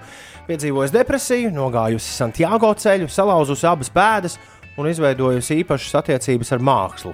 Viņas dzīve ir pilna ar ļoti raibām pieredzēm. Izrādes pamatideja bija par to, ka tu nevienā brīdī neesi viens. Ka vientulībai nav nemaz uh, vieta šajā dzīvē, jo tu esi visu laiku miedarbībā ar ielu, pa kuru tu ej, ar, ar kokiem, kuriem tu mēģini garām pieskaries. Vai, vai, nu, mē, mums ir ļoti, ļoti ekskluzīva situācija, ka mēs varam ar tevi sarunāties tagad, uh, sēžot pie viena galda. Bet, uh, cilvēki, tas tā, tā bija tāda mierinoša doma, ka tu nekad neesi viens.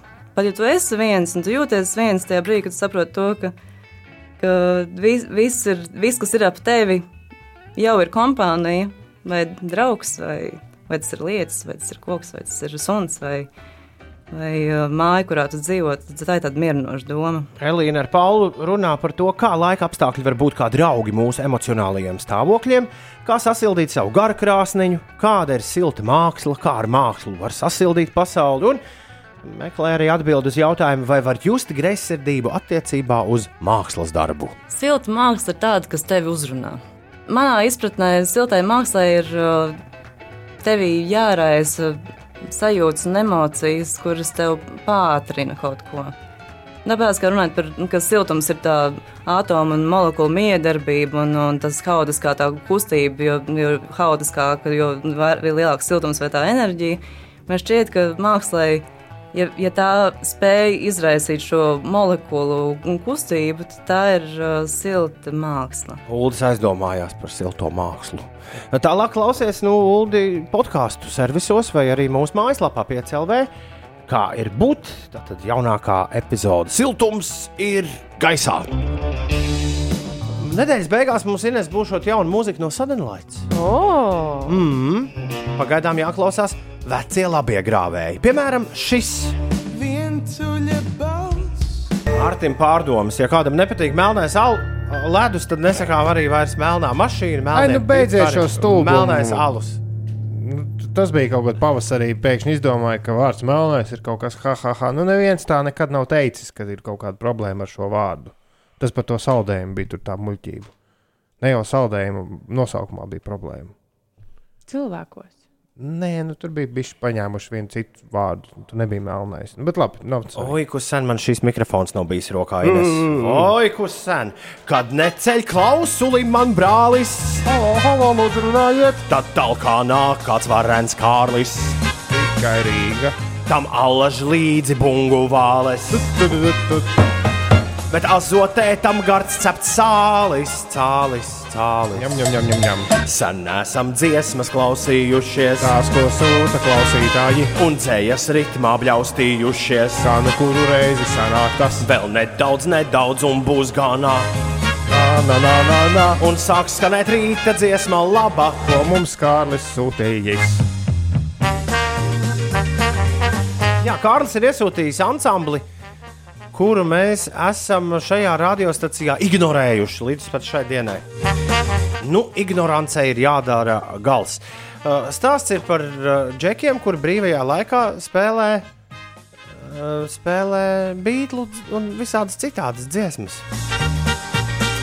Tie džeki ir Mails Skeins. Ah, tas nav UFO grupa. Okay. Nē. No grupas Jet Niks Sesters, Muse galvenais uh, Čālijs Matthew Bellamijs, Blur, ģitārists Grahams Koksons. Tad kaut kāds Džemijs Deivis, ko neviens nezina, un no Zutons grupas Šons Pains, bundzinieks. Viņi visi kopā sevi sauc par The Jaded Hearts Club. Tagad mēs dzirdēsim klasisko soli numuru Reach Out, I'll Be There. Four Tops, man liekas, visslavenāko versiju. Šai dziesmai ir ierakstījuši. Bet Jaded Hearts Club uzsāka jā, Kārļa izvēlēto rīta dziesmu topa trio ar savu versiju. Oh, jubilārs uh, Krapas Reinis atrakstījis, ka beidzot normāls gabals parādījos. Kan, uh, UFO, Visu trīs stundu garumā šis UFO, bija pirmais. Jā, un Airu Laivu Druvietis arī raksta kolosālu rīta dziesmu. Beidzot! Nezinu, kas ir noticis, bet tagad varu jūs uztvert arī savos laukos pie pašas Lietuvas robežas. Tas ir šī rīta patīkamākais pārsteigums, tā raksta Jānis. Forši Jāni, turpini mūs klausīties. Jā, man arī prieks par to. Klausies, ko Ines tev tagad teiks. Tuvākajās dienās Latvijā gaidāms silts un lietains laiks. Nedēļas nogalē kļūs nedaudz vēsāks un sausāks. Savukārt nākamajā nedēļā būs maz nokrišņu un vidējā gaisa temperatūra gaidāma 2-3 grādus virs normas. Tā liecina Eiropas vidējā termiņa laika prognožu centra informācija. Šīs nedēļas vidū laikapstākļus noteiks plaša ciklonu siltais sektors, gaidāms lietus, pastiprināsies vējš, gaisa temperatūra ceturtdien pakāpsies līdz plus 12, plus 16 grādu atzīmei, un piekdien gan naktī, gan dienā gaidāmi plus 9, plus 14 grādi. Svētdien un pirmdien Baltijas valstīs gaidāms anticiklons, kas vēlāk atkāpsies. Un, ja debesis skaidrosies, dažās naktīs vietām valstī gaidāmas salnas, siltākajās diennaktīs gaisa temperatūra iespējamas aptuveni plus 10, plus 15 grādu robežās. Jej! Un novembra pirmajā pusē nokrišņi varētu būt mazāk nekā ierasts, gaisa temperatūra pakāpeniski pazemināsies. Novembra otrajā pusē laiks kļūs lietaināks, dažkārt gaidāms arī sniegs un krusta. Tas par gaidāmo laiku. Bet eh, šodien Šodien daļēji mākoņu klās debesis spīdēs saule, vietām arī īslaicīga līs, gaisa temperatūra plus 5, plus 6 grādi, vietām plus 7, plus 9, galvaspilsētā plus 9. Labrīt, Kārlī! Labrīt, labrīt! Labrīt, labrīt, labrīt, labrīt, labrīt, labrīt, labrīt. Es negribu mažoties. Es pirms gada biju tieši ar Kārli uz koncertu ķelnē. Tolaik vēl notika koncerti un bija jā, tā jauki. Mēs bijām uz grupu, kuru kā trešo Kārlis ir izvēlējies. Tāpēc iespējams, ka Ulas un Inese šodien vēlas Kārlim kādu jautājumu uzdot. Jūs esat pazīstami? Ja? Nu, ko, ko tas ir? Nē, nu, tas Kārlim jautājums. Kārli. Kur tu to mūsu tomu bija aizvedis? Uh, kādu kebabu apēst. Jā, Nē, bet Kārlis ir mūsu regulārs klausītājs, un man šķiet, ka absolūti simtprocentīgs rīta dziesmu. Es pateicu, rīta, topa dzies, rīta dziesmu topa dalībnieks. Sūta vienmēr un sūta foršas dziesmas. Paldies par to. Nu, Kā tad tev šajos te laikos klājas?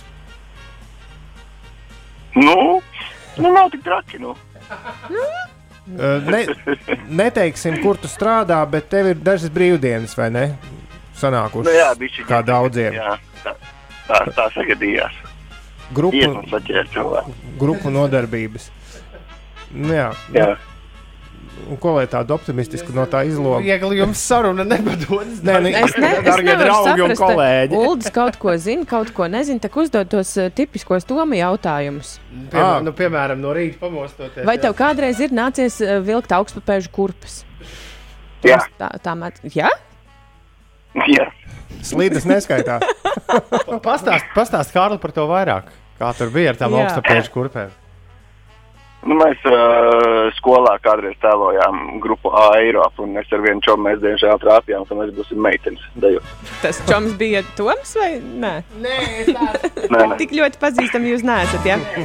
Vienās kurpēs staigājuši. Vai tev kādreiz ir bijusi karsto akmeņu masāža? Nē. nē. Bet gribētu? Nē. okay, kas tev ir vissezonas riepas vai, vai lietas ziemenes? Es tagad klausījos Inesē, un es nevarēju saprast, vai jāmaina vai nav. Tā, tāda bilde. Ah, jā, es, es arī domāju, vai man vajag mainīt ziemas un vasaras riepas, vai labāk tomēr visas zonas. Pagaid, bet pirmajā ir jābūt obligāti. Ja? Pirmajā novembrī. decembrī. decembrī jā. Ah. No novembra līk, drīkst likt radzes. Tā bija. No 1. novembra. Tur vienmēr šo aizmirst. Bet no 1. decembra ir pilnīgi obligāti jābūt. Nē, nu, kā nu, labāk jau nomainīt, jo tas tu nekad nezini, ka tev pēkšņi nu, jā. būs jābrauc jā. uz Raunas tiltu, kur šobrīd ir melnais ledus šorīt. Mm. jā. Ļoti jauka angļu grupa Divine Comedy ir izdevusi pilnīgi visus savus albumus uh, speciālās, tādās garās versijās. Viņa tas vienu jubileju tieši šajā laikā. Tas ir iemesls, kāpēc tu izvēlējies šo dziesmu. Nu, jā, arī. arī. Bet, nu, jā, jā, es teikšu, tāpēc, jā. Bet tāpēc arī tāpēc, ka pirms gada bijām uz to koncertu un bija plānots arī šogad septembrī. Bet, nu, Ai, varbūt nākamgad. Kas tik, kas tik nebija plānots? Bet dziesma forša, dziesma sauc Perfect Love Song, perfektā mīlestības dziesma. Un kā izrādās, tādas var derēt arī no rīta. Jā, un par tiem koncertiem nevajag satraukties, jo visa mūziķu pasaule šobrīd tā kā nu, uzvelkamo pulksteni vai rotaļlietu, nu, ka uzvelk. Zini, ka tā atspērs spriegojas, spriegojas, spriegojas, un tad, kad pašaus vaļā, tad kas tik tad būs tādi koncerti. Un... Kaut nu tā būtu. Kārli, paldies par rīta dziesmām!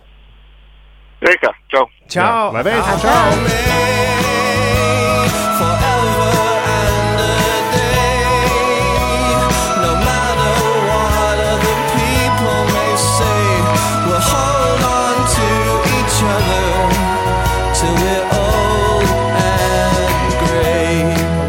Lieliski! Nils Herons un Divine Comedy Old and grey. no plates Regeneration. Perfect Love Song Latvijas Rādio 5,5 LV ēterā bez desmit minūtēm deviņos. Toreiz pirms gada tajā ķelnē Un tas ir Andris man Funderbārds. radās ķecerīga vēlme. Kebab, es To īstenoju es uz vietas. laikam jau trāpīju desmitniekā. Man tagad mājās vācu riepas. Lieto, lietotas. Jā. Par riepām šorīt kaut kāds cepiens. Tūlīt visu paskaidrosim. Diemžēl iesaistīts nav garš ēdiens. Jā, tās nav tās vācu riepas. Ir datumi, kad maiņa jāveic.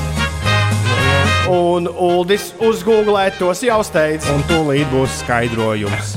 Aiziet! Jā, vēl mums vajag dažas rīta dziesmas, rīta dziesmu topā. Sūtiet tik droši šurp. Rīti at 5 LV, pierakstiet savu telefonu numuru, arī trīs dziesmas, kas būtu jādzird no rīta. Tātad, pirmkārt, eh, ka mums arī piekrīt vēl kāds uldis, un arī es pievienojos, ka visas sezonas riepas ir garām. Ines, ja tu domā par tām, labāk mm -hmm. ir. Labas ziemas riepas ir nu, tik kaifīgs pirkums, kā nekas. Nu, tā, ja, ja nodara. Nu, pats sakot, man gudri vīri teica, uz riepām netaupīt, un es nenožēloju nevienu brīdi. riepas, Bet- lētas tās tiešām bija. Jā, uz, eh, tātad no 1. decembra līdz 1. martam ziemas riepas ir obligātas. No 1. decembra līdz 1. martam obligātas. Tas, ko es sajaucu, radzes ir atļautas no 1. oktobra, nevis no novembra. No 1. oktobra līdz 1. maijam ir atļautas radzes. Bet no 1. decembra līdz 1. martam ziemas riepām jābūt obligāti visām automaš... Visiem automobīļiem un autobusiem, kuru pilna masa nepārsniedz 3500 kg. Rekā! Vieglo auto ziemas riepu minimālais protokola dziļums ir 4 mm. kurš, kurš? Tāpat uzmanība jāpievērš arī riepu, riepu vecumam. Jā, tas ir interesanti. Tev būtu izcili labas riepas, bet, ja tās ir pārāk vecas, nedara vairs. Man būs jāmaina drīz. citu. Pārējām uz interesantajām ziņām. Ā, vēl nav gatavs. Ā, nu labi.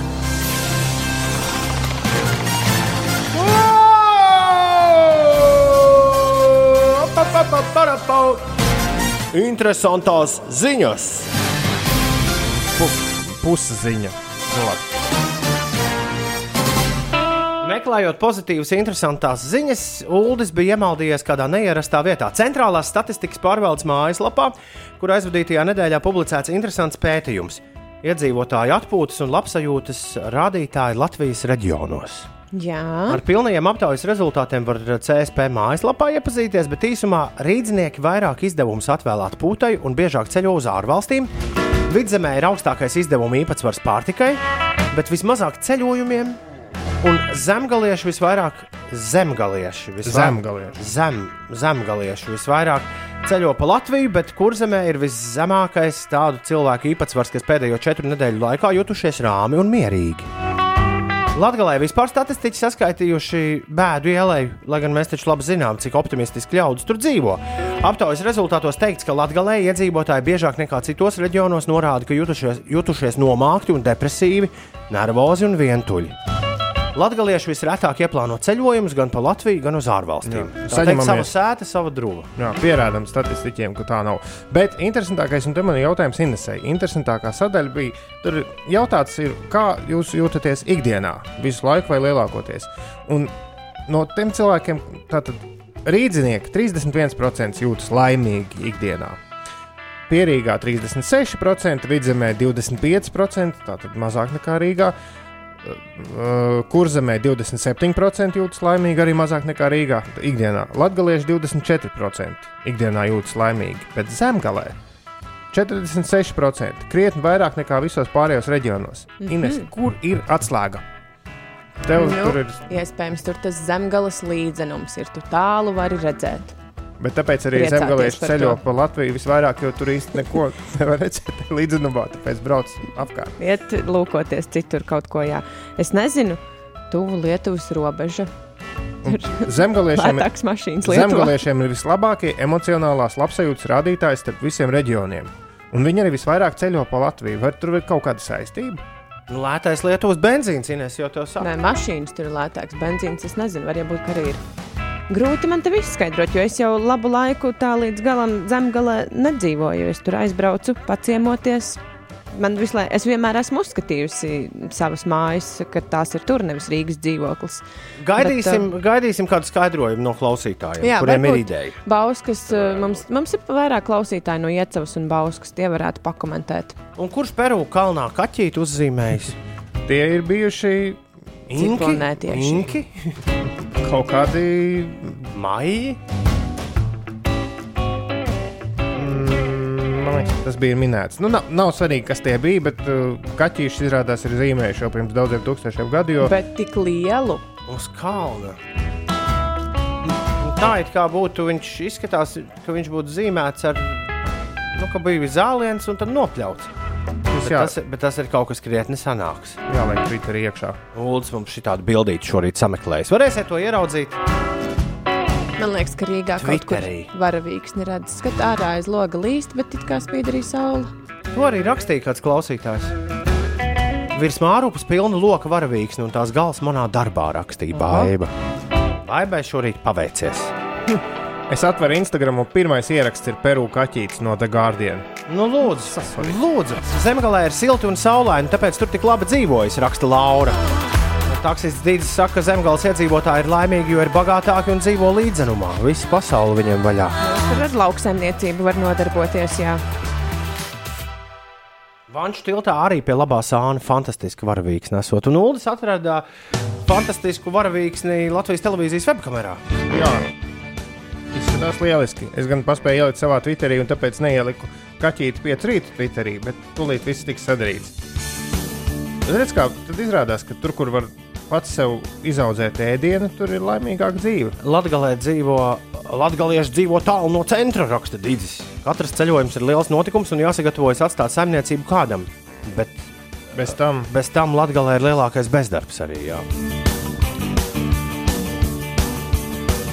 Skaidrs, ar šo jautājumu es domāju, ka būsim daudz maz tikuši galā. Sildīsim ekonomiku ar iekšējo turismu. Mēmeli satiek mūsu, tur lielupi top, tur jau viss tas šarmas. Rakstīja Jā, Jānis. Man patīk, kā cilvēki komplimentē Bauskai. Ir laiks mums doties pie miera. Nē, ir laiks mums doties citās dienas gaitās. Rīt būsim atpakaļ starp 6 un 9. Grēviņš, Ziediņš un Puķek tev saka visu labu! Atā!